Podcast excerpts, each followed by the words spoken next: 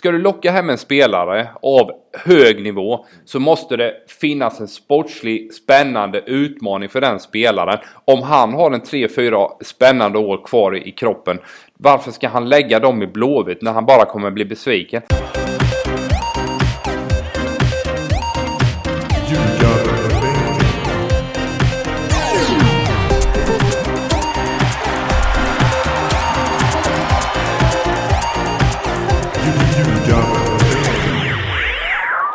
Mitt i VM-febern så är eh, vi tillbaka, vanliga ljugarbänken. Och vad är då vanliga ljugarbänken? Jo, det är ju Nordic Bets podcast om allsvenskan i fotboll. Och ni som har vant er vid mig och Erik, ni får liksom eh, växla upp öronen för eh, Mattias Lindström är tillbaka i hetluften. Hur har det varit i svalluften? Ja, för det första tack för att jag fick komma tillbaka och då har jag haft det lugnt och skönt utan det. Jag har sett hur ni har stressat och, och, och presterat har ni gjort. Och så kommer man tillbaka i, på Eriks Mansion såklart och då är det så får man borta det är ny utrustning, det satsas pengar, det är resurser, det finns det ena efter. Så fort man man märker vem som är stjärnan och icke stjärnan så kan jag säga. jo men det är ju jätteviktigt med det här med roll, rollfördelning inom ett lag också va. Så det tycker jag inte är så konstigt. Jag är den, den spelaren vet i NHL som går in och skadar de bra spelarna. Och går in och tar bort dem. Ligger och gnuggar i fjärde linan där ja, just det. Ta bort honom, det löser jag tränar, inga problem. Uh, uppskattad av det egna men ingen ut, utanför lägger märke till. Ja exakt. Ungefär så. Ja. Men, så om lyssnarna tycker ljudet är bra är det för att vi har Ja, ni har spelat in den här tiden men nu är det nya grejer. nu är det nya grejer. Välkommen tillbaka till en eh, helt ny värld. Tack. Som det hade hetat i Aladdin. Tack. Vad har du, eh, när vi har varit i VM-bubblan, vad har hänt utanför VM-bubblan? Jag har eh, gnuggat på med två åker. Vi, vi är nu det laget, eller division 1. Vi kör i två veckor till ju. Vi har två matcher kvar, sen har vi uppehåll. Så det är full fart där. Eh, vi har mött Eskil och hunnit förlora mot Eskils minne. Vi vann igår mot Oddevold med 0-3 på bortaplan som jag är väldigt stolt över den segern. Så att eh, vi hänger på toppen men det är ruskigt jämnt det måste jag säga. Den uppmärksammades ju på Twitter också av uh, Olof Lund uh, där såg jag. Tre, ja. Treåker. Treåker. Sen ja. har vi som alla andra människor druckit öl och kollat på Sverige när de spelar fotboll. Va, om man, eh, får man be om din liksom korta och koncisa analys av Sveriges VM-prestation? Eh, ja, eh, fyra rattar av fem möjliga skulle jag ge eh, Men med tanke på Sveriges lag, om vi kollar kolla, eh, kollektiv är fantastiskt. Inga större stjärnor så sett. Eh, och med, vi vet ju storleken på Sverige, antal eh, registrerade spelare och allt det där bla bla bla i Sverige. Det är lite Kroatien och andra liknande förutsättningar. Men Sverige har gjort det jättebra med tanke på förutsättningar. Och jag, jag, jag är glad för, för... Du måste ju älska sättet de spelar fotboll på, eller? Det kan jag inte säga att jag älskar, men, men det, det, ser vi i VM match efter match. Eh, det värmer ditt hjärta. Ja, men nation efter nation. Det är, ju, det är ju, det är ju de som är effektiva och de som är eh, bra kollektiv. Det är de lagen som går vidare nu. De andra, de andra lagen räcker ju. Så att eh, i, framförallt i ett slutspel i VM, det handlar om bara att vinna matcher, ingenting annat. Och säger man att Sveriges prestation var bra, men underhållningen och spelet var dåligt, ja. Det är ett VM-slutspel för fasen. Det är eh, tvååkerfotbollen har tagit över världen, är det så? Ja, det är på gång. Edmans, Edmans filosofi tiki taka ute och tvååkerfotbollen inne. Det är så jäkla skönt. Igår spelade Men vad fan, jag, där, alltså nu börjar det där resonemanget igen. Och jag köper ju kring det här att man måste eh, resursanpassa sitt sätt att lira Mattias. Det har väl aldrig för fan eh, varit en fråga. När det kommer till landslagsfotboll men sen när det gäller din klubbverksamhet, vad du ska stå för i din, ditt lag. Då är det en helt annan fråga hur man ska bedriva fotboll. Ja, du vet väl. Här. Vi är inte så extrema som, så som Mårten tror så extrema. Han har aldrig sett oss spela. Vi är inte så extrema Mårten. Det är jag som, det är jag som spelar över honom. tycker det är Men resursanpassad, kan vi bara bannlysa sådana ord från ja, en fotbollspodd? Så nu blir det, nu blir det, är man vill spela underhållande fotboll, det blir, nu blir fotboll helt plötsligt tråkigt när man ska resursanpassa ja. sitt spel. Kan du inte bara säga att man spelar efter eh, materialet man har? Nej, det ska resursanpassas. Ja men vad fan, där sparar jag ju fem ord genom att säga ja. ett ord. Du, ni måste använda den jävla meningen när ni får fram vad ni vill. Du får oss andra att verka underlägsna. Du säger sådana ord i, eh, i fotbollssammanhang, Erik. Resursanpassa och och eh, verkningsgrad ska här, från och med nu, det bestämmer jag som programledare, icke yttras i den här podden. Och jag har ett till. Jag har, spelar i pocketfickan. Det får också måste bort. ja, och jag har ett till också. Pressresistenta spelare. Vem är det? Är det typ Zlatan? Är han pressresistent? pressresistenta Eller är det spelare de- är, är, är, Rakitic. en egenskap att man kan ta sig ur tryck från motståndaren som är framme och pressade till exempel. Eh, eh, Coutinho, Neymar, William, de som kan ta sig ur press. eh, Du kan, kan, man säga. du kan tänka dig Mårten när eh, Edman och Thelin sitter och dricker lite öl och på en lördagkväll och de om alltså. Det kan man verkligen se Ja. framför sig. Men också att eh, man kan ju, jag trodde att det, det- eller det skulle ju kunna vara pressresistenta, alltså spelare som är som vägrar att spela pressspel. Det kanske är det också. Det gäller att alla är överens om betydelsen av ord i, när det blir så avancerade fotbollstermer och nyskapande. Men, men pratar du så med en spelare? Va? Va- va- Fall jag pratar så med som pratar Nej, men det handlar om att pedagogiskt förklara så att Jo. alla förstår. Ja. Så det är klart att använder du vissa ord tillräckligt ofta så fattar de ju det efter ett tag och då kanske jag sparar en hel mening genom att säga ett ord. Då kan du ha mycket effektivare genomgångar. Men det pressresistent och verkningsgrad, de, de orden de finns inte med i de här liksom klassiska idrottstalen av tränare i filmer. Liksom. Miracle on Ice-tal. Det finns ingen pressresistens där. Det är bara ut, kötta, kämpa, tjonga. Då vinner man med 3-0 borta mot Oddevold. Eller hur Lindström? Igår spelade vi faktiskt jävligt bra fotboll också. Men men. Okay. Två åker, det blir alltså äh, Hallands Barcelona. Ligger ja, alltså ja, Halland. Hallands Atletico Madrid. Det ser ser jag mig. Okej, okej, okej. Fattar. Ödmjukt. Allsvenskan har ju dragit igång eh, och eh, det har eh, både varit härligt och lite försvårande eftersom eh, Erik har blivit tvungen att smita ur VM-bubblan, eh, vilket jag på sätt och vis tackade för, för då kunde jag dricka öl i Folkets Park och förvisso se England förlora den matchen, men ändå kunna njuta lite som supporter av VM. Då satt du Erik på eh, Vångavallen och såg AIK köra över Trelleborg med 4-1 och jag tänker att vi börjar där. Eh, nu är jag ju lite ur, ur allsvensk matchform känner jag för jag ska ju förstås dra alla resultaten som sig bör för er som inte Eh, varit up to date där. Och då börjar vi med, förutom den uppskjutna matchen mellan Sirius och Sundsvall där Sundsvall vann med 3-1 så har vi alltså Malmö-Sirius, eller Sirius-Malmö 0-4, Dalkurd, Brommapojkarna hade Boja Toray stor show, gjorde två mål när Dalkurd vann med 3-0.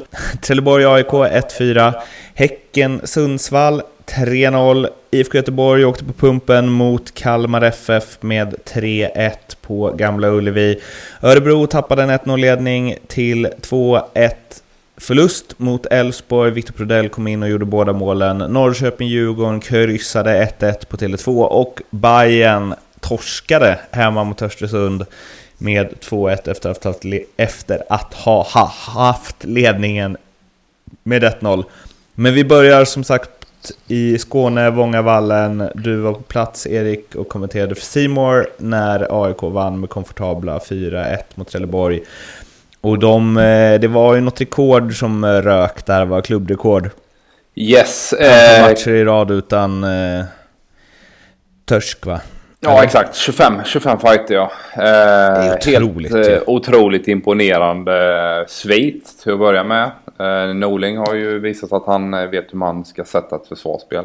Den här matchen tycker jag man stod för ett offensivt spel, ett anfalls... Eh, spel som var väldigt, väldigt varierande. Man tryckte ner eh, Trelleborg långt ner i planen. Eh, hade ändå bra lösningar tycker jag på sista tredjedel som ofta är svårt när man har ett lag som står lågt. Men jag tyckte AIK vann tillbaka bollen också väldigt många gånger med återövring. Var man modiga. Det var i stort sett bara Per Karlsson som stod vid ja, mittcirkeln där, mitt, mittpunkten och resten var eh, ofta långt in på Trelleborgs planhalva. Man vann tillbaka bollar och till slut i andra halvlek så pallade inte Trelleborg stå emot det där trycket. Det var en jädra massa varierande platsväxlingar, öppnande löp.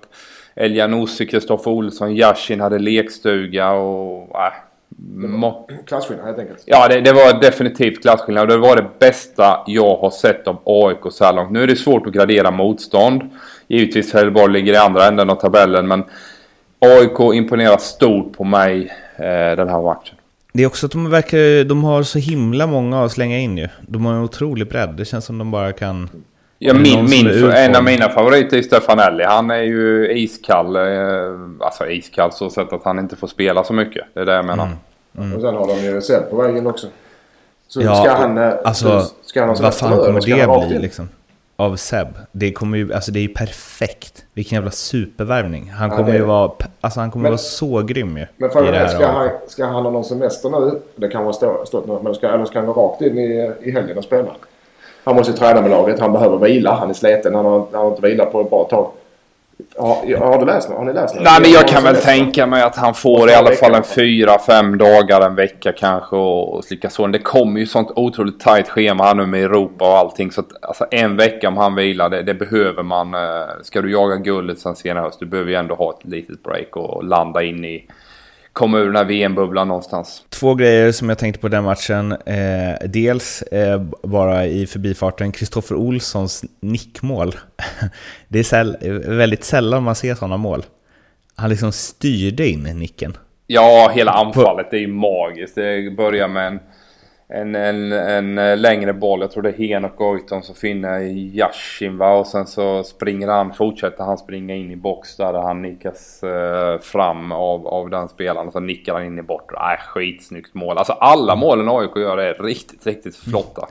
Jag skulle säga att nicken är som när man nickar på så här beachvolleyboll. Och man bara mm, lite över, så var det. Det såg så himla konstigt ut. Det såg ut som det gick i slow motion typ. Och jag var helt säker på att målvakten skulle ta den, för det är sällan man får kraft från det läget liksom. Eh, och att Kristoffer, men det är också en Kristoffer Olsson-nick. Alltså när man, eh, spelartypen Kristoffer Olsson ska nicka på det där sättet. Helst ska han ju aldrig nicka. Nej. För att han ska liksom upp med foten i de där lägena. Men om han ska så var det en perfekt Kristoffer Olsson. Bra för hans image på alla sätt och vis.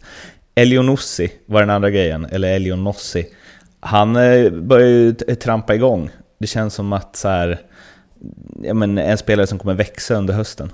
Ja, definitivt. Han eh, visade ju den här typen av gryende form redan i våras. Men så gick han ju sönder då mot Elfsborg borta. Han fick någon bristning och sen blev det lite hackat och malet resterande matcherna. Eh, men han, han, är, han är superspännande och just det här samarbetet med den här Kristoffer Olsson som du nämner där med, med nickmålet. Att de kan kombinera och även Yashin. Det såg skitkul ut och de, de fann varandra, lö, hittade lösningar gång på gång som Trelleborg inte kunde försvara mot. Den långa bollen från Robin Jansson också.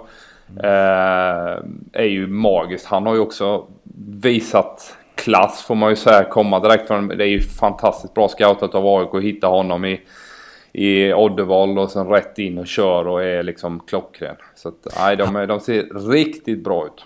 Han, är ju, han stärker ju din tes Lindström om att alla spelare i Tvååker åker håller allsvensk klass.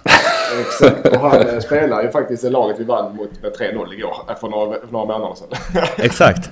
Så eh, ner och leta i Tvååker, Aj, eh, alla allsvenska sportchefer som lyssnar på det här. Men vadå, det här låter ju eh, som att AIK kommer vinna guld. Elman sitter ju och... De har redan vunnit guld enligt honom. Men jag håller med honom. De är imponerar. Och eh, är, som jag ser det, den absolut starkaste guldkandidaten. Utan, Hur, utan hur, hur slår man AIK då?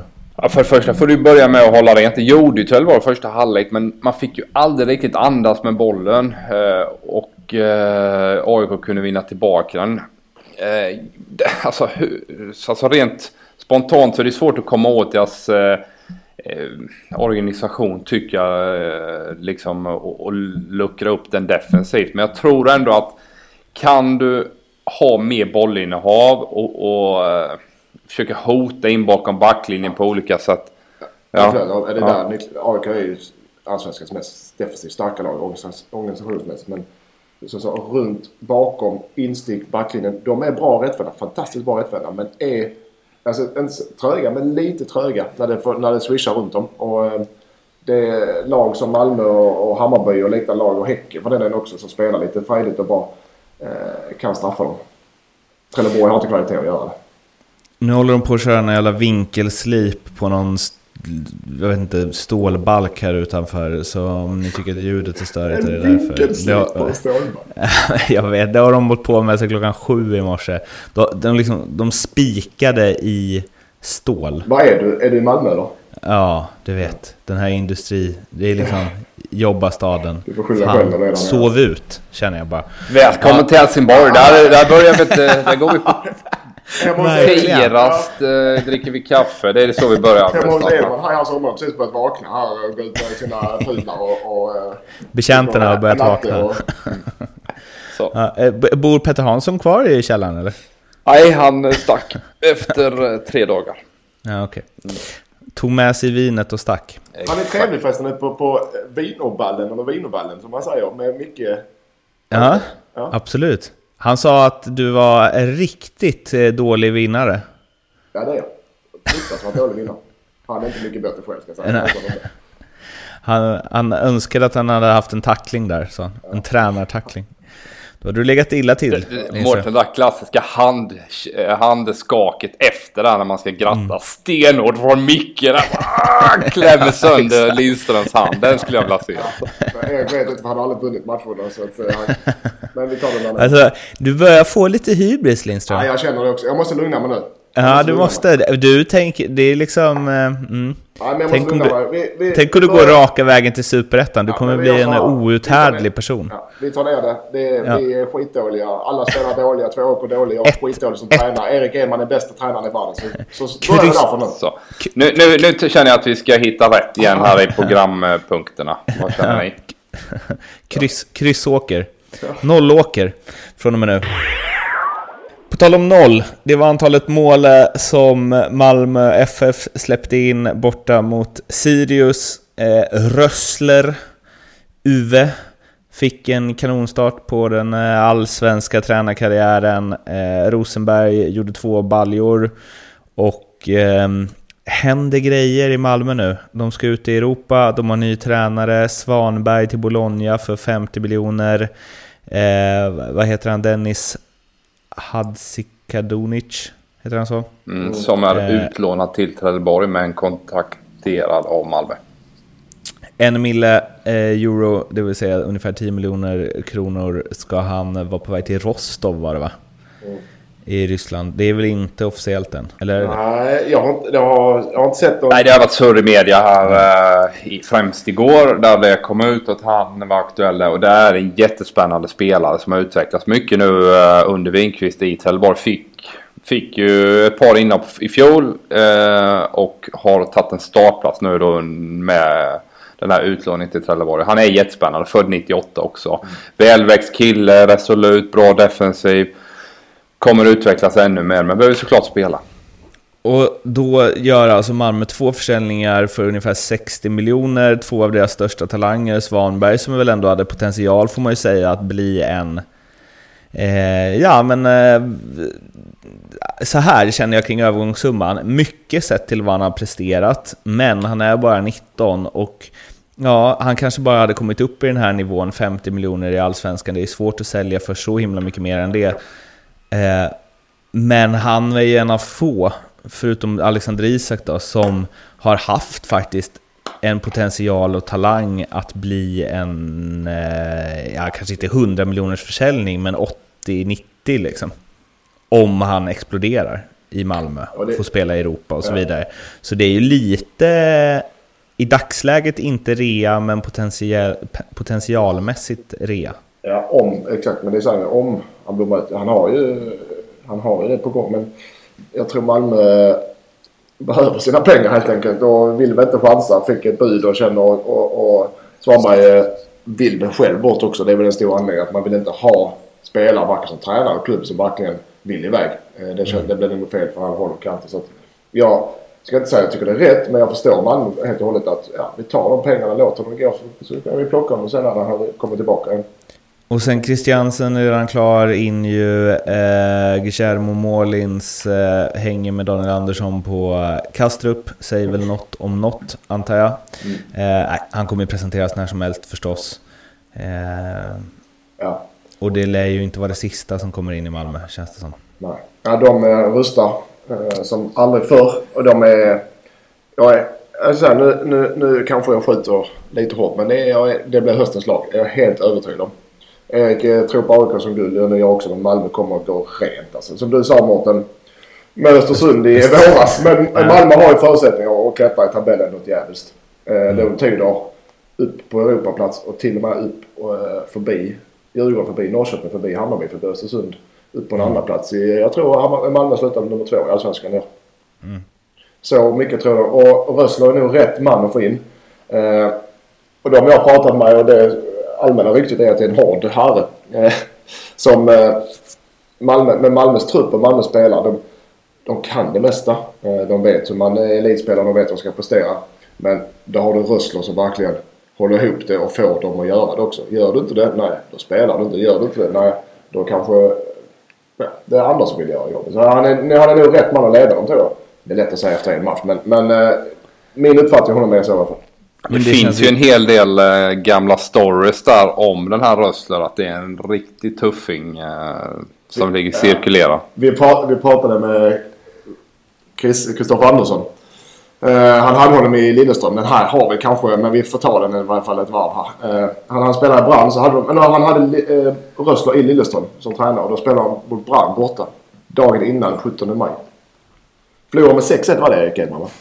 Flög hem på natten. Uh, landade i Lilleström i Oslo där, Gardermoen, uh, på natten någon gång. Åker bussen, alla var trötta. Vi ska ut på 17 maj dagen efter. När de kom fram till anläggningen så här så Bra, gå in och byta om grabbar. Och så tände de ellysen och så körde de intervaller på A-planet. Hela jävla natten. Uh, där, uh, det var den 17 maj. Ren idioti såklart skademässigt och liknande. Men, men där har du väl kärnan i hans ledarskap. den skulle man vilja se Rosenberg, Rosenberg och uh, Lewicki och company och Safari ligga och gnugga intervaller där efter match borta mot Sundsvall. Alltså, ja. Det hade varit underbart. Nej, men eh, det, och det kanske är det de behöver. Någon som ser till att de är skärpt hela tiden, som är sten. Alltså Åge var ju lite likadan. Ja, alltså, äh, och, och kanske, jag tänker att Malmö är så bra. Ja. Så att det är liksom hur de spelar fotboll. Eh, Om man, eh, alltså man inte tittar utvecklingsmässigt utan bara tittar på här och nu och att de ska till Europa och att de vill ha en Europaplats i eh, Allsvenskan. Så spelar det inte så stor roll vad de har för fotbollsfilosofi. Nej, och det är väl det Malmö strävar efter nu. De ska bara ta sina segrar den här hösten. Det är det som gäller. Och, men jag ska också säga att alltså, tränar man på den här nivån. Framförallt lag som Malmö och Rösslers historik med klubbar. Så klart att ha kunnande, fotbollskunnande också. Det är inte bara så att han går ut och skriker och, och nu ska vi springa intervaller. För att jag är helt övertygad om att han har stort fotbollskunnande också. Men jag håller med dig Lindström, tror också att de kommer pumpa på nu under hösten. Eh, kanske inte riktigt lika mycket som jag trodde på Östersund under våren, men Eh, och det gick som det gick. Men, ja, Sirius, eh, Sirius däremot. Ja, ja, men Sirius däremot, där har, vi, har väl inte Edman ett var där med vinflaska. De har inget bra mönster att eh, när de, man kan förlora och man kan ligga botten men de förlorar på det sättet de förlorar sina matcher. Visst stundtals det är utklassning i vissa av deras matcher tyvärr. Vi måste, vi måste faktiskt prata en grej till om eh, Malmö. Juan Mata ryktas det ju om. Han tittar på hus i Falsterbo, hans fru är från Höllviken. Vad är det? Det är han, han ingenting kom... Mårten. Det är klart att han hänger lite i Skåne på somrarna där under semestern. Men... I Falsterbo Horse? Ja, han är där nere och eh, kollar hästhoppning och ligger på stranden möjligtvis. Men han kommer ju inte hamna i Malmö. Det har jag så jävla svårt att se. Alltså det finns ju något härligt i det, liksom fotbollssupportrar som bara svävar iväg den. Men det är... Dels, han är 29, eller fyller 30. Han spelar ganska mycket i Manchester United. Det har ryktats om, vad är det, Atletico Madrid, att de ska vara sugna på honom. Varför ska han gå till Malmö FF? Man, man får sätta det i perspektiv. Malmö är, Malmö, Malmö är en fin, det är en stor klubb och allt vad det är, men vad fasen. Ska han åka till, flyga upp till Sundsvall och spela där i, i november månad? Nej, jag tror inte han inför 2000. Eller 250 åskådare uppe i Dalkurd. Det tror jag, Gävle, det tror jag inte han så pigg på. I Sundsvall, de har ju massa spanjorer va? Ja, det hade kunnat vara... Det hade, de hade bara oh, oh. Juan Mata är här helt plötsligt. uh, man vill ju att det ska bli så. Det hade ju liksom höjt uh, intresset en del kan man ju säga. Men... Uh, Eh, ja, jag vet inte, det är fint med de drömmarna och jag kan också triggas igång lite och bara ah, men man har hört han bryr sig inte så mycket om pengar och bla bla bla och de kanske vill eh, bo där hans fru är ifrån och så men ah, jag vet inte. Malmö får nog vänta. Spelare inte bryr sig om pengar. Finns det någon spelare i världen som inte gör det någonsin? Men man kan bry sig mer eller mindre om pengar. Jo, men han kan ju liksom uh, kolla hästhoppning om 7-8 uh, år när han har slutat också. Mm. Och samtidigt ha 4-5 uh, Premier League-bucklor i, i uh, bokhyllan. Alltså, vad fan det är väl lika bra att, att kräma ut allt man har där av karriären. Nu är han ju mer eller mindre på sin uh, topp. Och har säkert en 3-4-5 år till. Varför skulle han börja runda av i en svensk miljö. Det kan ju liksom inte, alltså det går ju inte in någonstans i mitt huvud alltså. Men vi håller tummarna. Vi håller tummarna. 99% klart. Djurgården IFK Norrköping på Tele2 slutade 1-1. Djurgården tog ledningen via ett, eh, ja det såg ju jävla fint avslut av Haris Radetinac där från kanten, men han var ju en, en stor man efteråt och erkände att det var ett inlägg, eller en korkad man kanske, han skulle ju bara sagt att det var det han siktade på. Eh, men eh, Norrköping kom igen i andra, Simon Skrabb eh, kvitterade och det blev 1-1. Match med två ansikten. Den bröt Djurgårdens segersvit. Fyra raka matcher hade de i Allsvenskan med ganska klara segrar. och jag tror att jag såg någon på Twitter, en djurgårdare som inte hade sett första halvlek eh, som bara såg andra och då skrev han något i stil med eh, ja, var Norrköping helt sjukt dåliga i första eller hur kan vi leda? Typ. Eh, han var alltså inte speciellt nöjd med Djurgårdens spel. Eh, ganska väntat 1-1 resultat skulle jag säga, men det känns ändå som att det här är två lag som kanske utan att dra för stora växlar av den här matchen, men generell feeling liksom nu under sommaren och transferfönster och så vidare. Det känns som det är två lag som är på väg lite åt olika håll ändå. Ja, Norrköping känns ju mer spännande för varje vecka som går här. I alla fall under våren. Och sen plockar man in Alexander Fransson. Det som lite talat till Norrköpings nackdel det är väl att, eller känslan kring Norrköping. Det är väl att det är väl inte slut eh, snackat kring transfers ut heller. Eh, det finns säkert klubbar som ligger och lurar på, på diverse spelare i den truppen. Och man har ju visat att eh, man tänker inte hålla spelare om man får ett bud som eh, föreningen tycker är godkänt så släpper man spelare. Just för att man eh, är en förening som utvecklar och, och liksom eh, promotar sig lite i den vägen. Eh, så det kommer säkert hända mer mm, i, vad det gäller trafik ut och kanske då såklart in också. Djurgården behöver ut och handla. Mm. Nu gick Kadewere sönder också. Eh, han växlade upp här under våren rejält. Eh, Emrabti kommer väl lämna innan fönstret stänger om Djurgården vill ha pengar för honom. Så att eh, det kommer hända grejer där med. Och känslan som du säger är att de har fyra riktigt, riktigt bra mittbackar. Eh, men har inte den riktigt eh, spetsen framåt tycker jag. För att blanda sig i eh, någon form av Europa-race i alla fall. Mm. Det känns som de, de kan få det lite tufft. Även om Erik Johansson kommer in, han kommer ju förstås vara väldigt bra. Uh, och har ju potential att vara liksom allsvenskans bästa mittback kommande åren. Men... Men det, där, har du, där har du den klassiska, ja, då har du ett felbalanserat lag. Mm. Du har för, som Erik var inne på, du har för många defensiva bra spelare. Men det betyder också att några av dem ska sitta. Det, det har i och för sig Norrköping också. De har ju för många offensivt bra spelare. Men det är alltid lättare för att offensiva eh, gör det, du kan göra lättare att göra byte. Du kan slänga in offensiva en halvtimme och det blir ofta... Byta väldigt sällan ut folk i backlinjen.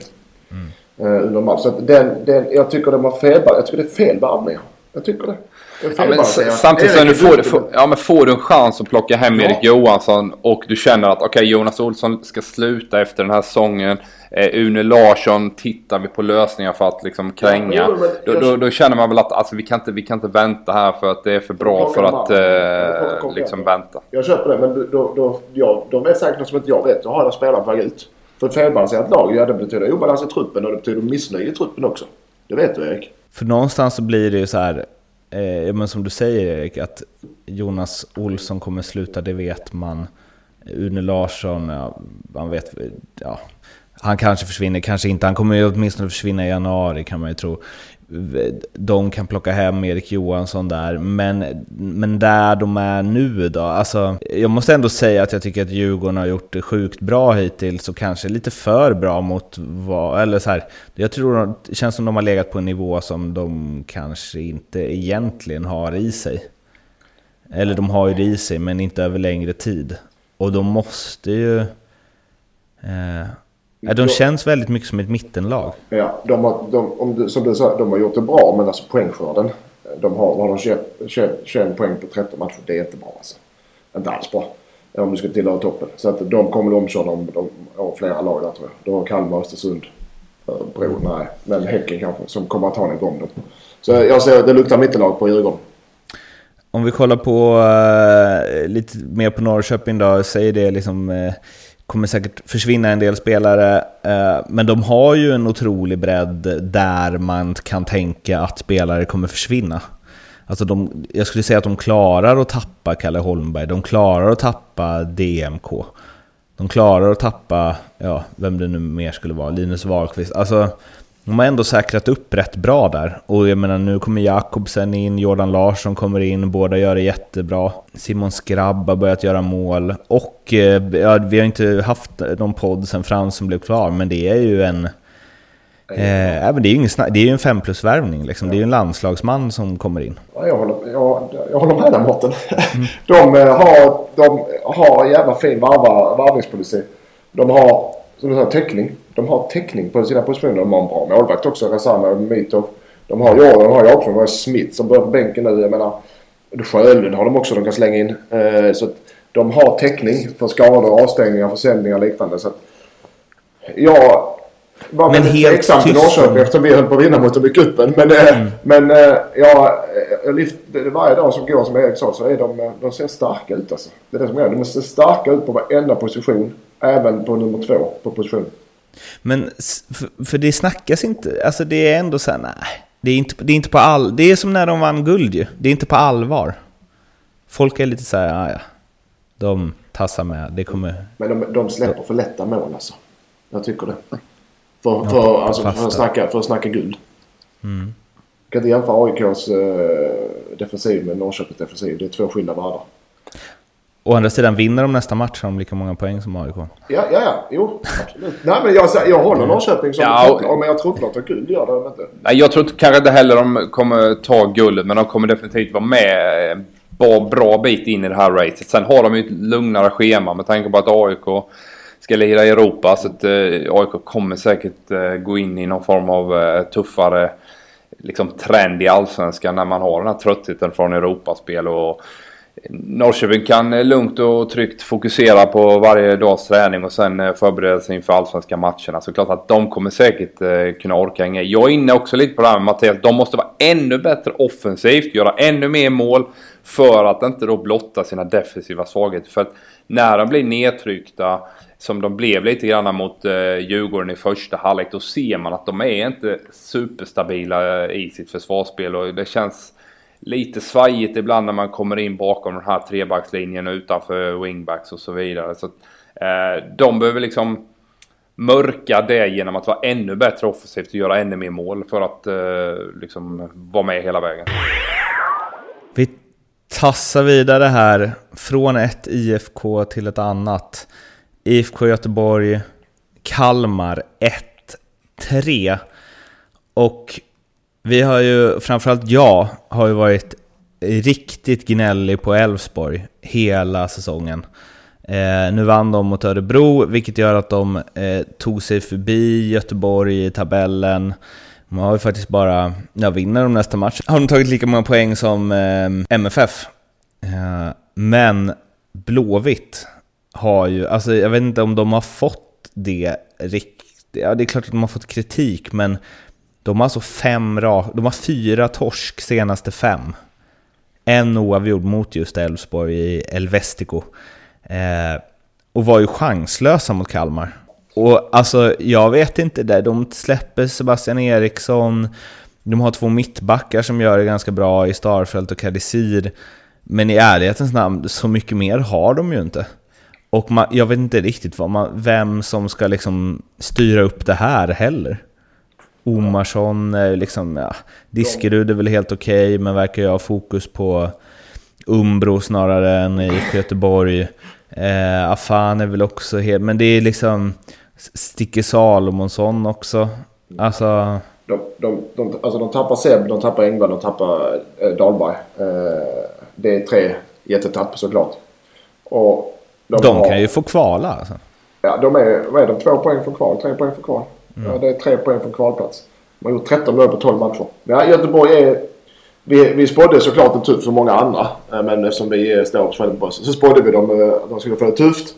Men de är... Erik har sett dem mer än vad jag har gjort. Och du, du ser tendenser i deras spel som är positiva, eller Men, men förlåt. Men och det har Gren sagt också, de måste ut och varva. Annars så blir det kval, eh, annars blir det neddragna kval. Men, de måste och sen, så är det, sen är det så här, måste jag säga, okej, okay, jag är ju inte lika vass som er på att bedöma spelare, men då, utifrån vad ni har sett, om du har sett dem extra mycket, Erik. Alltså, Ingebrigtsen eh, målades upp som liksom perfekt i den rollen som han skulle ha och det var en vass värvning. Karasjvili skulle också liksom eh, spännande spelare och så vidare. Båda är unga, både, de är bara 21 bast liksom. Eh, Sakur värvar de loss efter att ändå ha sett i sin egen miljö en halv säsong. Alltså, det är ju ett, inte bara att han liksom har skött media dåligt många gånger, Mats Gren, utan hans värvningar är ju Eh, det är ju eh, noll plus. Ja. Hittills. Det är, det är ju ingen som har, alltså Starfelt och Kalisir, men det är ju, det är så här, ja, det var ju, det var ju helt, helt säkra kort att de skulle gå bra. Eller i alla fall vara så här helt okej okay, mittbackar i allsvenskan. Men i övrigt, de har ju inte, de har inte förberett det här liksom. Och att Dahlberg ska bort, att Sebastian Eriksson försvinner och att Engvall... Alltså, det är ju helt... Ja, ja. Nej, jag tror också de, deras varvningar slår inte väl ut. Och det är klart att då har du en huvudansvarig och det är Mats Gren såklart. Eh, eftersom det är hans jobb. De har Dalin i mål så ska vara ersättare. Jag är lite tveksam där faktiskt. Eh, om de ska kanske gå på jakt, målvaktsjakt. Eh, de har... Eh, jag vet inte. Poja har inte fått till det så som man önskar med det, med det frejdiga spelet. De har gjort 12 mål på 13 matcher. Eh, 13 mål på 12 matcher tror jag. Det är Ja, de har mycket att jobba med men framförallt så ja, Mats Green är huvudansvarig för varvningarna och det, det, de, som du sa, det är minus på dem. Alltså, eller? Ja, Erik? jag håller med. Det, ja. Va, vad säger du? Eh, nej, men framförallt om vi tittar på de här unga spelarna som man har plockat in då, 21-22 år och, och behöver lite tid på sig. Hade mått väldigt, väldigt bra av att ha en 3-4 riktigt tunga, erfarna Blåvitt-personer. Lik Tobbe Hussein. Nu är Tobbe för gammal så sätt att, att eh, liksom prestera som en allsvensk eh, toppforward som man gjorde för två, tre år sedan. Eh, man hade Bjärsmyr när han var bra. Du hade även Sebastian Eriksson. Eh, Rogne och den här typen av spelare som, som ändå borgade för att man kunde, om man fick till det, blanda sig i en toppstrid. Då alla de, den typen av spelare är eh, för gamla eller på något sätt borta ur verksamheten nu. Och man har liksom bara ersatt det med eh, yngre ja, och mindre meriterade spelare som idag eh, inte riktigt kan motsvara de förväntningar som någonstans finns på Göteborg såklart. Det är ju där det ligger. Alltså, jag tycker fortfarande att Poja är en jävligt intressant tränare. Men han kan inte trolla heller och den truppen man har idag den är inte så jävla mycket bättre än där de faktiskt ligger idag. Och skulle de tappa ytterligare spelare i en sån som Emil Salomonsson som jag tycker faktiskt har varit väldigt bra under våren. Som har sina kvaliteter i det offensiva spelet. Eh, skulle han också lämna nu då, ja, vad fan, då luktar det ju kval på allvar. För att kunna hantera den pressen som är i Göteborg. Eh, kräver sin man jämfört med till exempel den typen av press som man har i BP om man hamnar på kval eller i Trelleborg om man hamnar på kval. Så att det är en jädra tuff utmaning för Blåvitt under hösten och det kommer inte bli lättare. Ska de liksom till Grimsta och greja poäng? Alltså jag kan inte... Jag kan inte se det hända. Och någonstans så här, alltså Nordström, De Gracia, eh, Wiklander, Sakur, Ingebrigtsen, Karasjvili, eh, Sebastian Olsson är fin liksom, han gör ju inga poäng. Eh, Omarsson, alltså det är ju, Erik, det är ju Trelleborg och BP-spelare.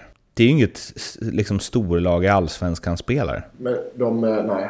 Nu är det väl Gustav Svensson som är på agendan va? Eh, eller? Eh, men de, eh, de kommer inte in något. Så fort eh, redan, alltså typ redan denna vecka.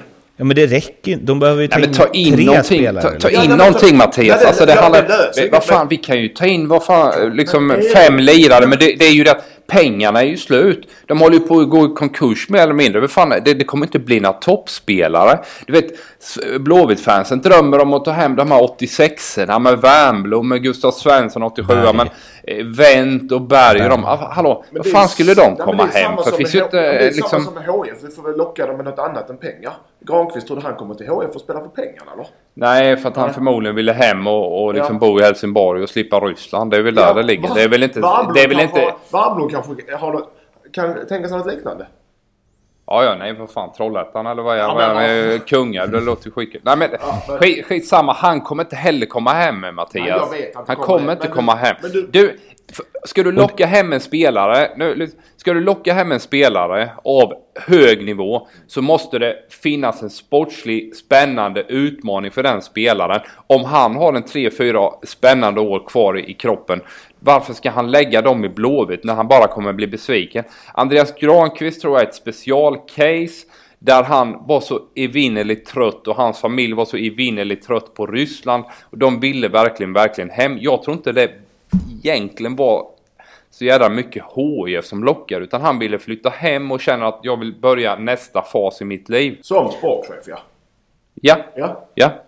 Men vad fan, du kan ju liksom inte... Du kan bara ha en sportchef och då måste Mats Green bort. Wernbloom, ska han bli sportchef? Berg, ska han bli Nej, sportchef? Oskar. Wendt, ska han också vara sportchef vet, då eller? du förstår vad jag är ute efter. Jag förstår att du får locka med något annat än pengar. Du får locka med något framtida yrke efter fotbollen. Hur mycket pengar du ändå har, hur jävla framgångsrikt du var så måste du ha något i ditt liv. Och många spelare vill in i fotbollssverige. Då får de locka Warblom eller någon annan med en roll i, inom fotbollen, inom Men på något gre- sätt. grejen i det här, jag Men vad fan ska du skräddarsy? Fem, eh, fem Nej, specialroller fem, till de här fem, spelarna? Fem, Ja, men en vem- eller två för helvete. Ja. Ja, ja. Men Det i det jag det, jag fattar vad du menar, men det kommer ju inte att hända. Eller så här, även om de hade kunnat göra det, de, det kommer, Mats Green kommer inte lösa det. Det vet man ju bara. Eh, och, Nej men han kan ju inte lösa det Mårten. Han vill ju såklart fixa hem den här typen av spelare. Det hade ju varit guld för Blåvitt att kunna plocka hem eh, högkvalitativa spelare. Men jag menar, tror du de vill ha 50 000 i månaden när de kan tjäna 500 000 i månaden någon annanstans? Det finns ju inte på världskartan. Nej, men det är väl det som de har sagt, och det är det som blir hela IFK Göteborgs, att de har drömt om och de har ju snackat flera gånger ut om att så här, vi har snackat om att vi ska komma hem samtidigt och liksom få uppleva gulden igen och bla bla bla. Det, det som hade behövts då, det är ju Wernbloom. Bam! Hem nu, han är kontraktslös. Ta in externa finansiärer, Nisse Wiberg och company och liksom ge honom en fet jävla sign-on, en bra lön, långt kontrakt. Det hade ju kunnat få kanske Berg att komma om ett år. Äh, Gustav Svensson skulle komma, är jag nästan säker på. Man skulle kunna, om Gren försvinner, plocka hem Bjärsmyr som är ju är en habil allsvensk mittback och som i alla fall står för någonting attitydsmässigt. Till och med kanske Oskar Wendt om ett par år. Men Wernbloom kommer ju inte komma, det har jag redan sagt att han inte är intresserad av.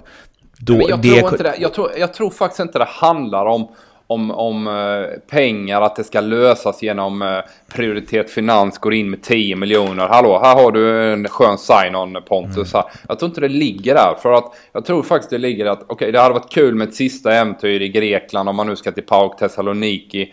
Dels med degen och dels en roligare sportslig eh, vardag än vad han tror sig finna i IFK Göteborg idag. Ja. Det är där det ligger. Ja, fast om han hade fått någon form av liksom, garantier på att så här, okej, om jag går hem, då kommer också Gurra, Mackan och Wendt.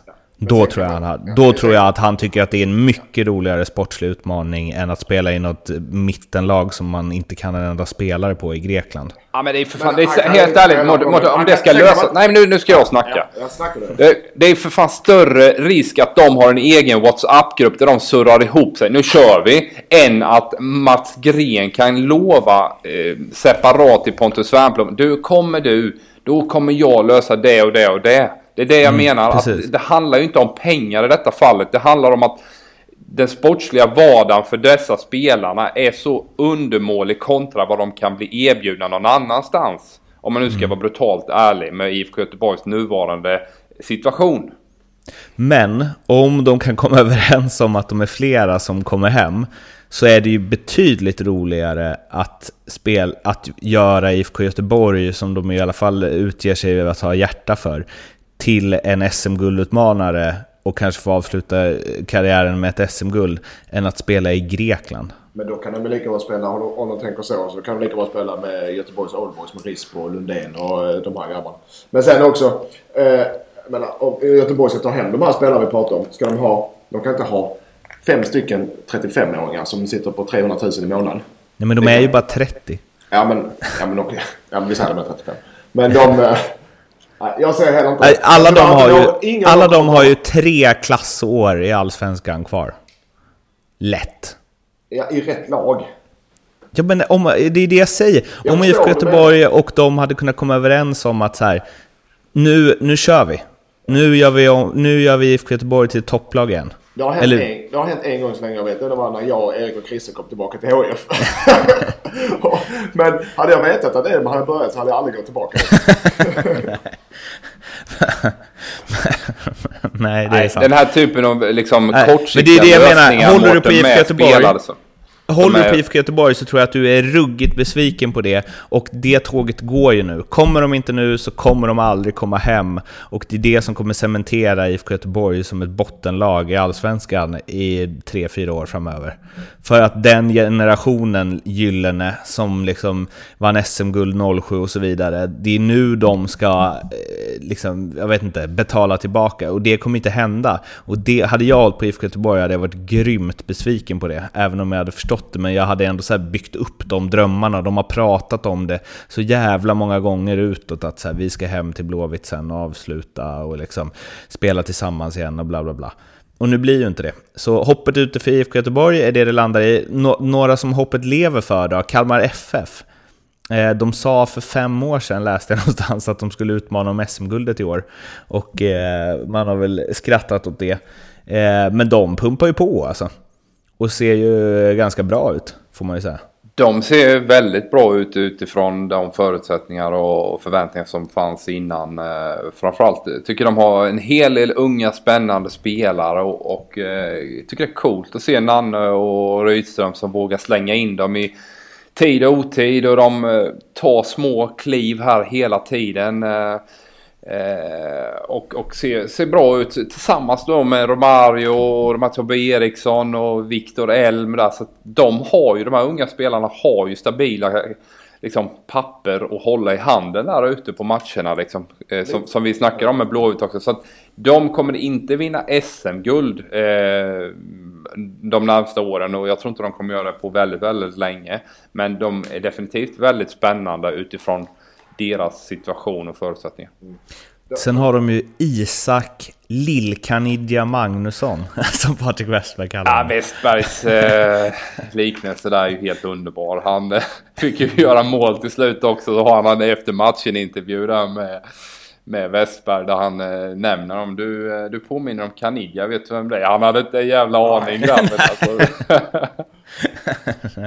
Men det gör han faktiskt. Han är och riktigt gött mål, sånt superklassavslut alltså.